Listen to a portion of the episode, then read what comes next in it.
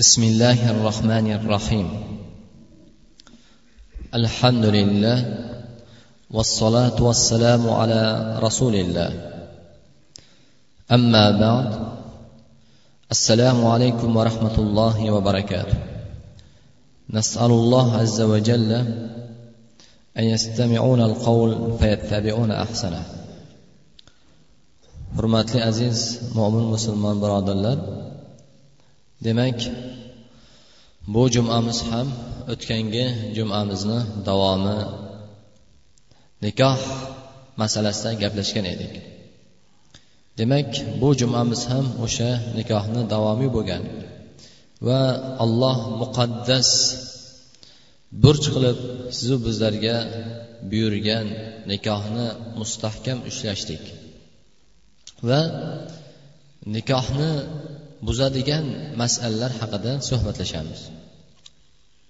Eng avvalo azizlar hammalarimiz e, yaxshi bilmog'imiz kerakki nikohni to'g'ri bo'lishligi uchun sahih bo'lishligi uchun birinchi o'rinda e, qabul va ijob ikki tomonning rozi rizoligi va mahr tayin qilinishligi va undan keyin guvohlarni bo'lishligi haqida gaplashgan edik hammalarimizga ham ibrat bo'ladigan hadis imom buxoriy va imom muslim rahmatulloh alayh alayhima rivoyat qilgan sahl ibn sad as saidi roziyallohu anhudan rivoyat qilgan hadislar قال جاءت امرأة إلى رسول الله صلى الله عليه وسلم فقالت يا رسول الله جئت أهب لك nafsi. Bu kishi aytadilarki rasululloh sollallohu alayhi vasallamning huzurlariga bir ayol keldi. Va dediki u ayol bas aytdiki yo rasululloh ey rasululloh sizni oldingizga kelishimdan maqsad o'zimni sizga ya'ni topshirdim ya'ni nikohingizga olishlik sababidan keldim deb keldilar qol فنظر إليها رسول الله صلى الله عليه وسلم va rasululloh payg'ambarimiz sollallohu alayhi vasallam haligi ayolga qaradilarda qarab turib so'ngra nazarlarini oldilar sollallohu alayhi vasallam rosa va boshlarini egdilar فلما رأت المرأة أنه لم يقض فيها شيئا جلست haligi ayol qaradiki rasululloh boshlarini egib turganlarida biron bir narsa demadilar javob aytmadilar haligi ayol o'tirdi min sahobalardan bittasi turdilarda yo rasululloh illam yakun laka biha hajatun fazawwijniha agar sizda bu ayolga hojat bo'lmasa menga nikohlab bering dedilar. Payg'ambarimiz sollallohu alayhi vasallam aytdilarki senda biron narsa bormi? dedilar. Ya'ni mahr uchun shu ayolni mahri uchun senda biron narsa bormi? deb aytdilar. Qol la vallohi ya rasululloh. Yo'q olloh nomiga qasamki ya rasululloh menda hech narsa yo'q dedilar. Idhab ila ahlik fanzur hal tajidu shay'an ahlingga uyingga borgin qaragin biron bir narsa topasanmi mahri uchun? Ya'ni ayolni mahri uchun beriladigan biron bir narsani toparsan bor uyingga qaragin dedilar. haligi kishi uyiga bordi va so'ngra qaytib keldi. Faqol la vallohi ma vajadtu shay'an aytdiki yo'q yo rasululloh olloh nomiga qasamki uyimda hech narsa topmadim ya'ni mahriga beriladigan hech biron bir narsa topmadim dedilar فقال لا والله يا رسول الله ولا خاتم من حديد انظر ولو خاتما من حديد hech bo'lmasa qaragin temirdan temirdan uyingga borib qaragin temirdan uzuk bordir hech bo'lmasa mahriga temirdan uzuk olib kelgin dedilar Haligi kishi sahobiy yana bordi yana qaytib keldi. Yana aytdiki yo'q yo rasululloh alloh nomiga qasamki uyimda bitta ayol uchun beriladigan temirdan yasalgan uzuk ham topolmadim dedilar. Lekin bu ustimdagi izor. Demak izor deganda kishilarni masalan erkaklarni kindikdan kindik ostida kiyiladigan libosni izor deyiladi.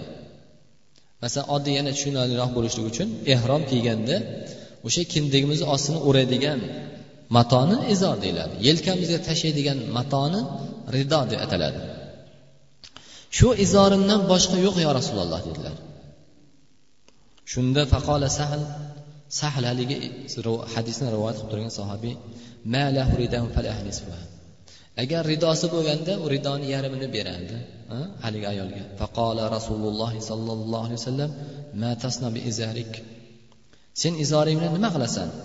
In labistahu lam yakun alayha minhu shay va in labisathu lam yakun alayka shay. Agar sen bu izoringni kiyadigan bo'lsang ayolingga hech narsa qolmaydi. Agar ayoling kiradigan bo'lsa senga hech narsa qolmaydi. فجلس الرجل حتى إذا طال مجلسه فقام قام. Haligi sahobiy keyin o'tirdi. Uzoq o'tirdi va so'ngra turdi. Rasululloh sallallohu alayhi vasallam ko'rdiki muvalliyan u kishiga qarab haligi sahobiyga buyurdi. Chaqirdilar oldiga. Bu yoqqa kelgin deb. Haligi oldiga kelganlaridan keyin qur'on senda qur'on bormi? Ya'ni qur'on yollaganmisan? deb aytdilar.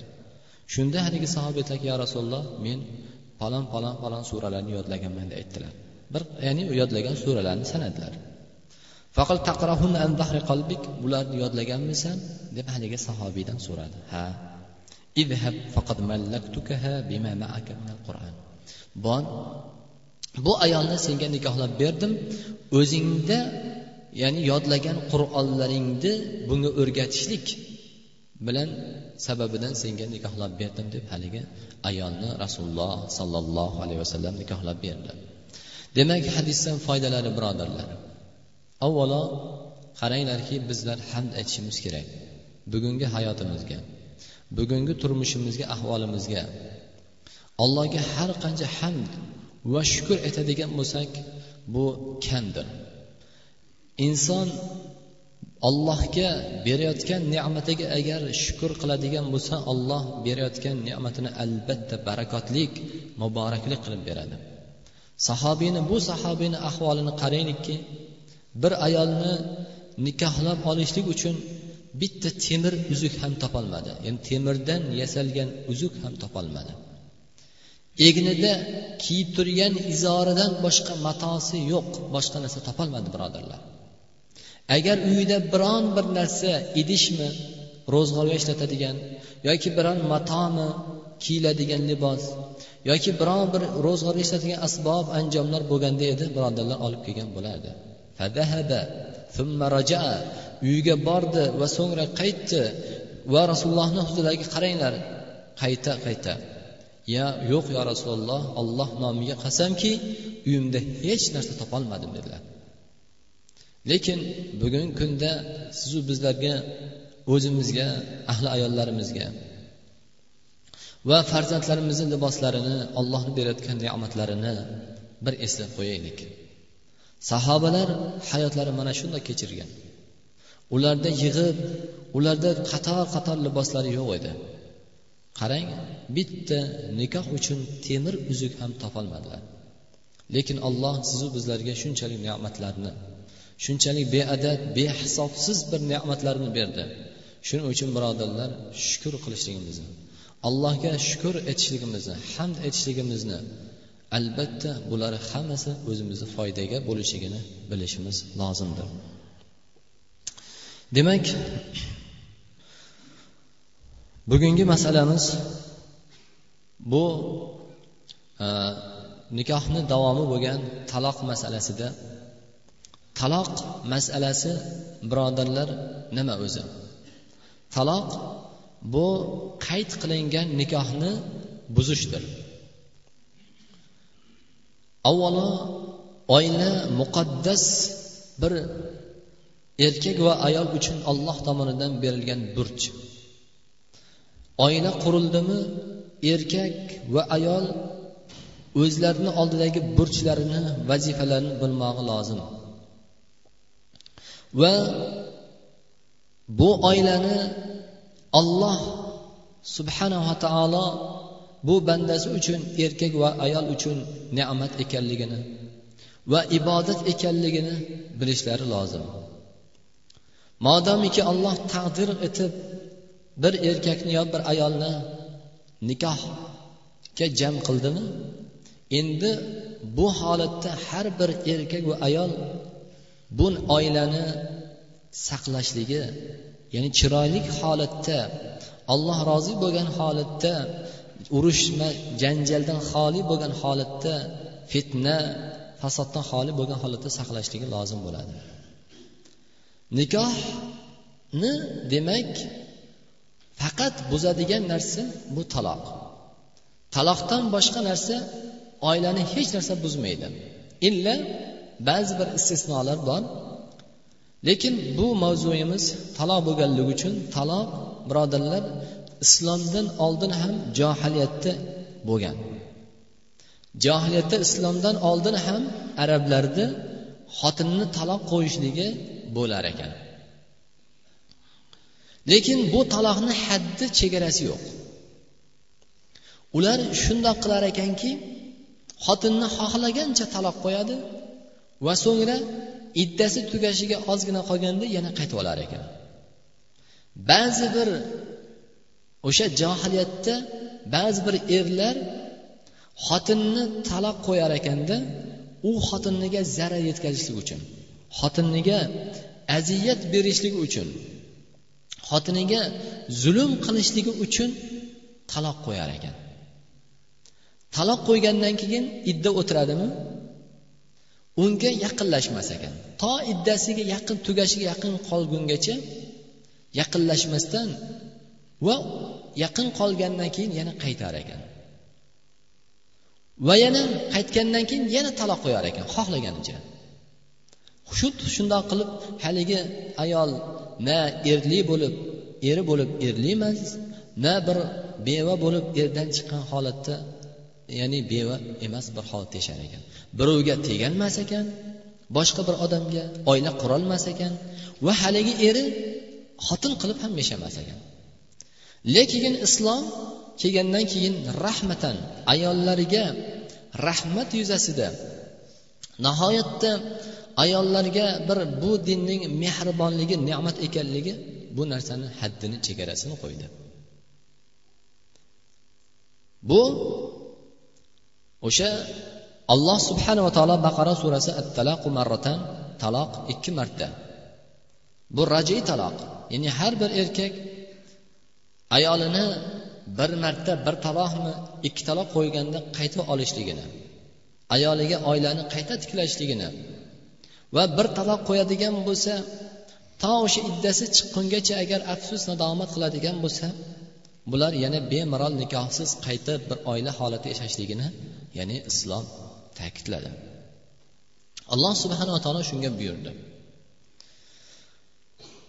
Demak taloqni arablarda joriy qilgan birinchi bu ismoil e, ibrohim alayhissalomni o'g'illari ismoil alayhissalomdan kelgan ekan.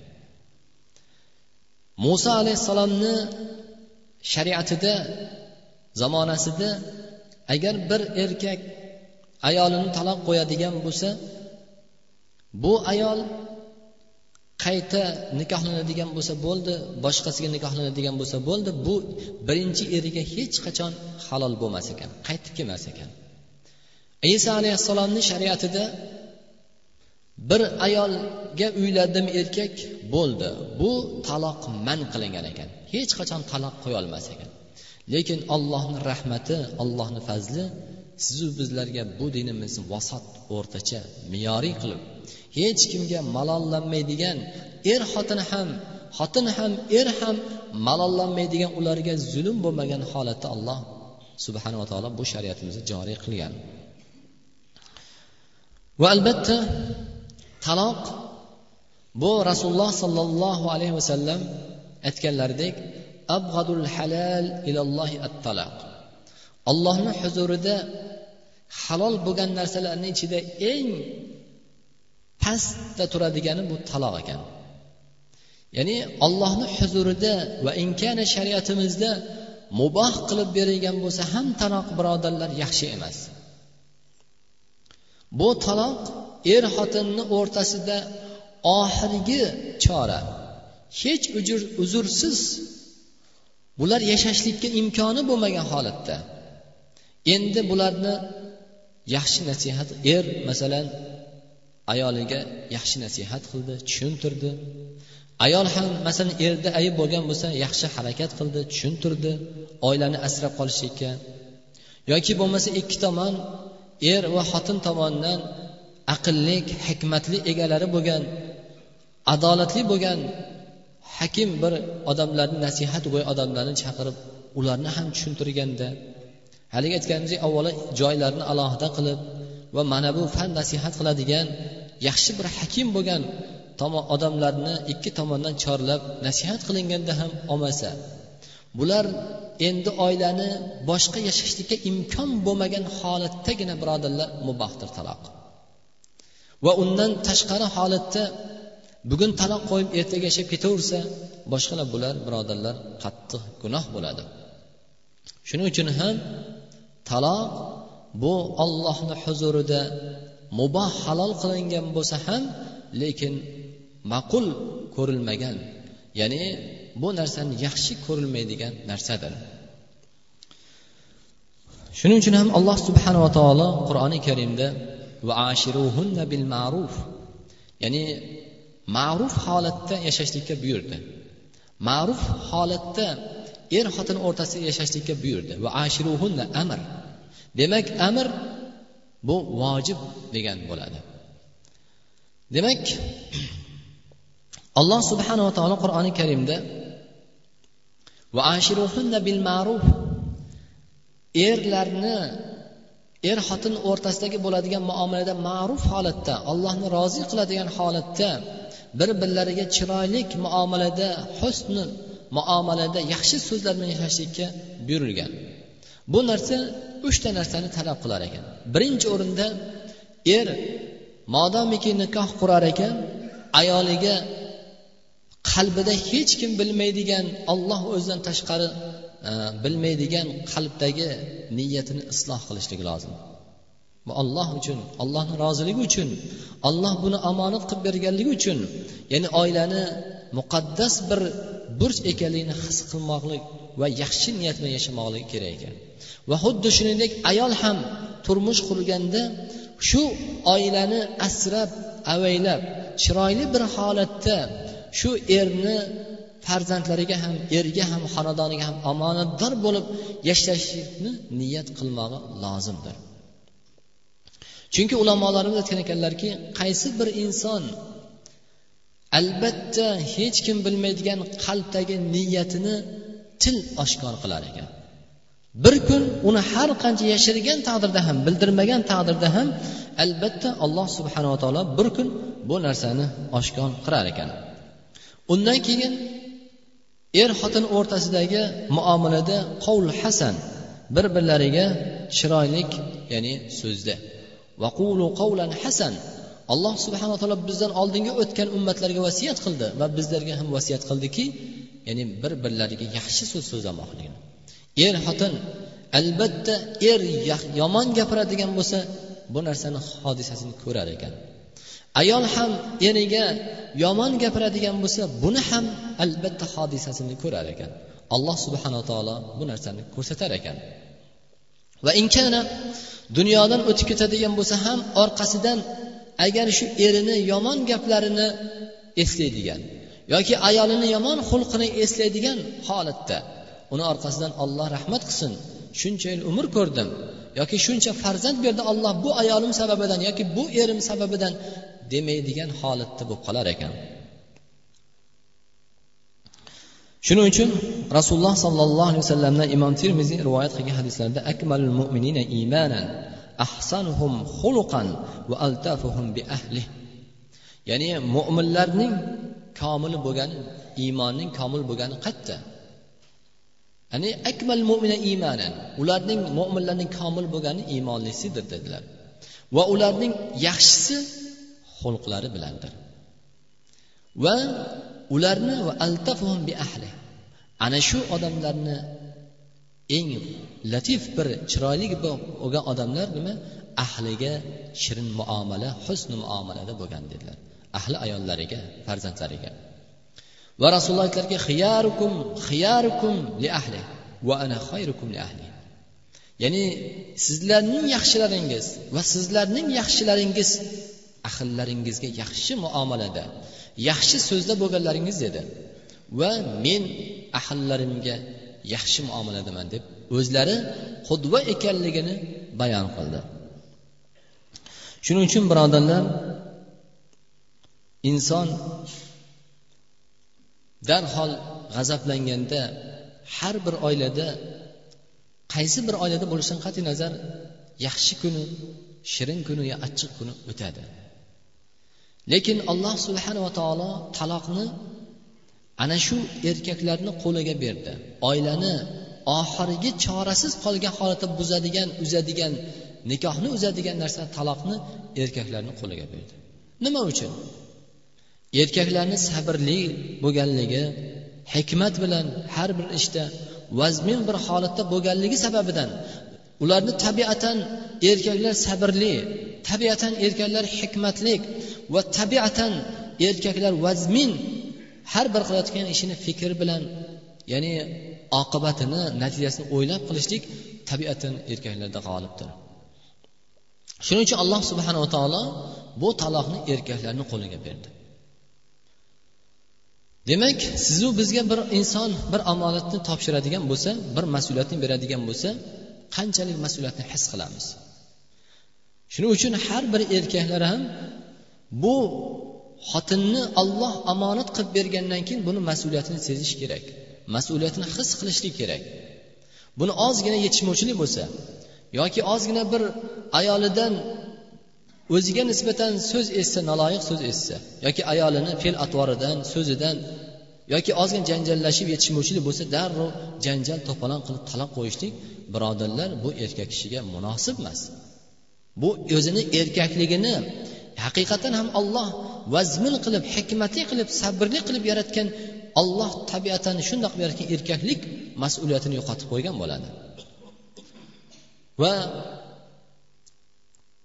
ba'zi bir oilaviy janjallar taloq masalalari tushganda inson arzimagan bitta masala uchun arzimagan boshlanishi bir choy damlashlik bilan yoki bitta so'z bilan boshlanadi. Shuning uchun ayollarimiz bu narsaga ham hushyor bo'lishi kerak. Modomiki olloh arrijal qavvamuna alan nisa ya'ni erkaklarni ayollarni ustida ularni g'olib qilib qo'ydi.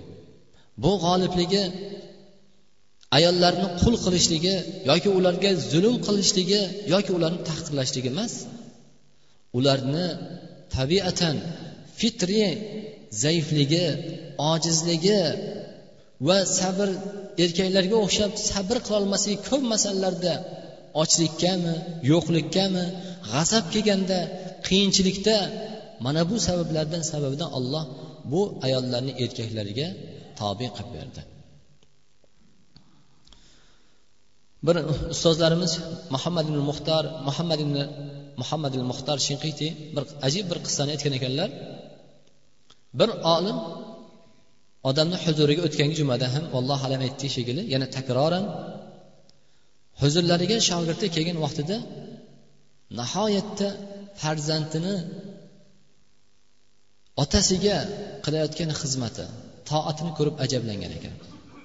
Otasiga bo'lgan hurmat farzandni ehtiromidan haligi shogird ajablangan ekan. Farzand chiqib ketgandan keyin shogirdigidan so'ragan ekanki bu farzandimni menga qilgan xizmatidan ajablanyapsanmi ya'ni menga qilayotgan xizmati toati hurmat ehtiromidan ajablanyapsanmi deganda shogirdi ham o'zini hayronligini yashira olmasdan ha ustoz deb aytgan ekanlar. Shunda bu farzandimni onasiga uylanganim ya'ni turmush qurganim yigirma yildan oshdi. Lekin yigirma yil oshiq turmush qurgan bo'lsam biron marta menga tabassum qilib ya'ni kulib turgan chehra bilan qaragan emas. Ana shu narsaga sabr qilganligim sababidan alloh subhanava taolo bu farzandni menga berdi. Shuning uchun ham rasululloh sollallohu alayhi vasallam aytgan ekanlarki man taraka shay'an min. Kim bir gunohni kim bir ma'siyatni yoki allohga ma'qul bo'lmaydigan ishni olloh uchun tark qiladigan bo'lsa khayran min. Undan ko'ra yaxshi olloh berar ekan. Olloh uchun sabr qilsa ayolimizda ba'zi bir tushunmovchilik bo'lib qolsa jahli kelganda yoki g'azabga minganda yoki ba'zi bir so'zlaridan birodarlar biz darhol g'azablanib biz ham uni taloq qo'yishlik bu yaxshi emas. Bu albatta mana shu g'azablanib taloq qo'yib olloh bergan omonatni qiz etmasdan taloq qo'yib afsus nadomat qilib yurganlar qanchalari guvoh bo'lyapmiz. Alloh subhanava taolo qur'oni karimda ya'ni sizlardan qattiq ahdni oldi alloh subhanava taolo.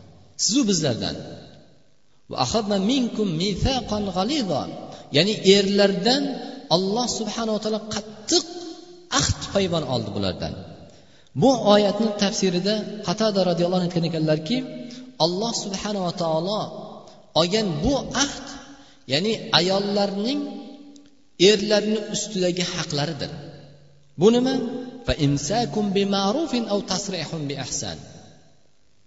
Ya'ni agar ayollar bilan yashaydigan bo'lsangiz turmush qurdingizmi?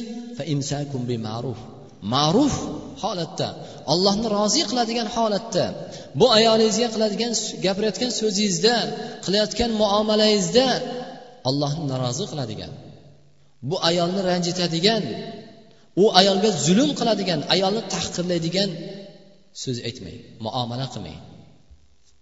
Agar muomala qiladigan bo'lsangiz agar bu narsani haqqini ado qilolmaydigan bo'lsangiz siz bu omonat qilib berilgan ayolni siz haqqini ado qilolmasangiz uni rozi qilolmasangiz unga sizni tepangizda vojib qilgan olloh buyurib qo'ygan haqlarni ado qilolmaydigan bo'lsangiz yaxshilik bilan ajrashishlikka ajrashganda ham yaxshilik bilan.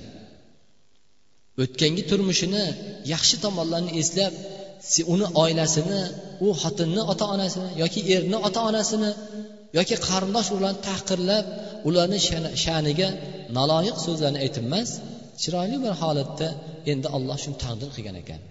Endi bundan buyog'i biz yashalmas ekanmiz. Endi siz boshqa turmush quring men boshqa turmush quray degan chiroyli muomalada ajrashishlikka buyurdi.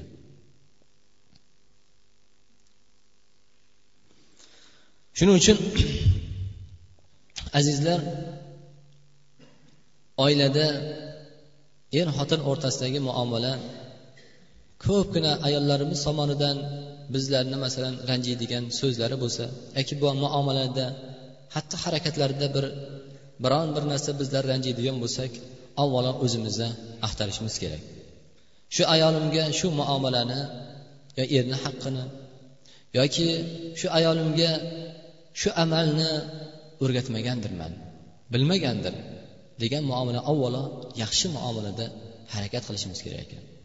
Qarangki rasululloh sollallohu alayhi vasallam oysha onamiz aytgan ekanlarki ey oysha seni g'azablanganingda ham bilaman va g'azablanmagan holatingda ham bilaman. Qayerdan bilasiz yo rasululloh? deganda aytgan ekanlarki agar sen mendan g'azablangan norozi bo'lgan holatda bo'lsang la va robbil ibrohim yo'q ibrohimni robbisiman deb qasam aytasan. Agar mendan rozi bo'ladigan holatda bo'lsang aytasanki yo'q muhammadning robbisi bilan qasamda aytasan degan ekanlar. Shunda oysha onamiz aytgan ekanlarki alloh nomiga qasamki yo rasululloh bundan keyin sizni nomingizni hech qachon tark qilmayman degan ekanlar. Lekin shunda ham rasululloh sollallohu alayhi vasallam oysha onamizga ahli ayollariga bo'lgan muomalada juda chiroyli muomalada bo'lganlar. Hatto rasululloh sollallohu alayhi vasallam oysha onamiz aytadilarki bir kun sho'rva olib keldim. U zot qasam ichib aytdilar payg'ambarimiz sollallohu alayhi vasallam avval sen ichasan keyin man ichaman deb qasam ichdilar. Va men qasam ichdim va men o'sha sho'rvani ichdim. Men ichgan og'zimni qo'ygan joydan rasululloh sollallohu alayhi vasallam og'izlarini qo'yib ichdilar dedilar. Bu birodarlar rasululloh sollallohu alayhi vasallamni ayollariga muhabbatli bo'lganligi yoki shahvatni kuchligi emas birodarlar. Ayollarga nisbatan o'zining qalbida muhabbati borligini ayolning hurmati ehtiromi borligini makoni borligini bildirishlik ma'nosida siz bizlarga ta'lim qildilar. Ayollarimiz ham onalarimiz ham rasululloh sollallohu alayhi vasallamga shundoq chiroyli muomalada bo'ldilar. Shuning uchun azizlar oiladagi er xotin masalasida taloqni ya'ni oilani nikohni bu muqaddas burch ekanligini ibodat ekanligini bilishimiz kerak. Bu ibodatni bo'lar bo'lmasdan g'azablanib o'zimiz achchig'imiz kelganda yo ichib olib boshqa qilib taloqsan taloqsan boshqa qilib ayollarni farzandlari bilan ya'ni qancha qancha farzandlari bor o'rtada bularni yoki tirik yetim qilib boshqa qilishlik bu birodarlar erkak kishi o'zini mas'uliyatini yo'qotgan bo'ladi.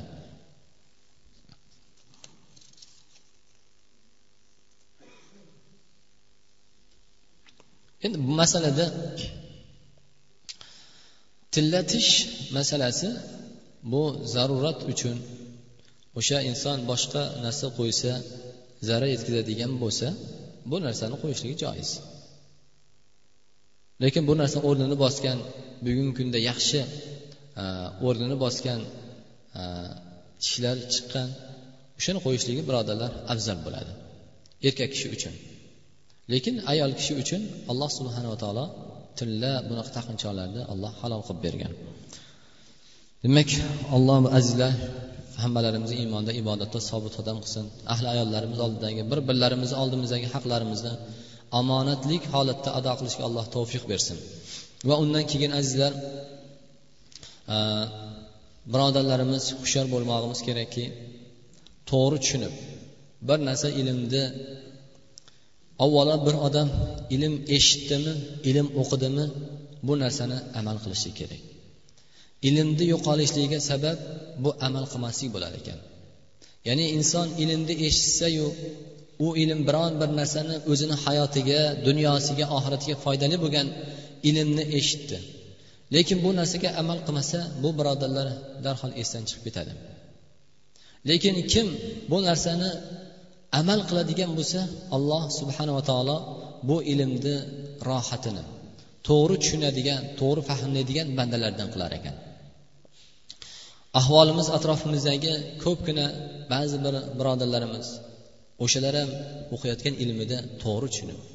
Alhamdulillah ustozlarimiz mana bugungi kundagi ko'pini yaxshi kitoblarimiz chiqyapti. Ustozlarimiz yaxshi bir so'zlari ma'ruzalari eshitilyapti eshityapmiz. Bu allohni sizni bizlarga bergan ne'mati. Qarangki sahobalarni bitta kiyadigan ustidagi kiyimidan boshqa holat yo'q edi. O'shalar ham olloh deb o'tdi. Olloh ulardan rozi bo'ldi. Ollohni ular rozi qildi. Lekin sizu bizlarga alhamdulillah allohni rozi qilishi uchun dunyoyimizda ham oxiratimizda ham saodatni topishlik uchun alloh juda ko'p ne'matlarni sizu bizga bugungi kunda berdi. Shuning uchun bu narsani to'g'ri tushunishimiz kerak. Noto'g'ri yo'lda yurgan birodarlarga ham ularga kirib olib bitta o'zlarini kitoblarini masalan hizbi tahrir tarqatayotgan varaqalari boshqalari hammasini birodarlar bitta odamni o'zini aytgani emas boshqa katta olimlarni o'tgangi oldingi asrlarda yashab o'tgan ulamolarni fikrlarini bilishimiz kerak ularni tushunishimiz kerak. Bitta faqat o'zi aytgan o'zi ergashgan domlasini orqasidan emas boshqa to'g'ri yo'lda yurgan yoshi ulug' tabarruk ahli ilm o'tgangi mutaqaddim bo'lgan olimlarimizni saodat asrida yashab o'tgan sahobalar tobeinlar toba tobeinlar ularni fikrlarini bu oyatga bu hadisga bergan sharhlarni bilishimiz kerak. Faqat o'zimizga nafsimizga kerak bo'lgan hadisni nafsimizga kerak bo'lgan oyatni olib o'sha bilan biz birodarlar undoq bundoq deb yurishlik bu mumkin emas. Shuning uchun ba'zi bir ulamolar aytgan ekanki bir ollohni oyatini bir oyat haqida tafsir qiladigan odam hech bo'lmaganda yuzta mufassir odamni tafsirini ko'rib chiqishi kerak. Bir oyatni tafsirida. Yuzta shu oyatni tafsiri haqida gapirgan ulamolarni kitoblarini o'qib chiqib keyin gapirish kerak degan. Shuning uchun azizlar bugungi kundagi ne'matni to'g'ri tushunaylik. Biz faqat shukur qilsak albatta qaysi bir banda alloh ne'matiga shukur qiladigan bo'lsa u ne'matni alloh barakotli qilib ziyoda qilib davomiy qilib beradi. Va sallallohu alayhi sayyidina nabiyina muhammad va ala alihi va ajmain. Alloh hammalarimizni iymonda ibodatda sobit qadam qilgin. O'zing rozi bo'lgan to'g'ri yo'llardan yurishga alloh bizlarga ham. Ahllarimizga zurriyatlarimizga ham alloh nasib aylagin. Alloh bizlarni ko'p holatda mas'ul qilib yaratding. Ayollarimizga mas'ul qilding farzandlarimizga alloh mas'ul qilding. Bu mas'uliyatni omonatlik holatda ado qilishga alloh bizlarga tavfiq bergin.